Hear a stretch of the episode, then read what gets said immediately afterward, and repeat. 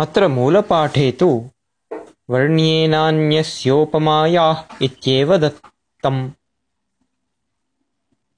अतः प्रायो कवि प्रायः कविप्रयोगः इति क्षन्तव्यो वा अस्माभिः?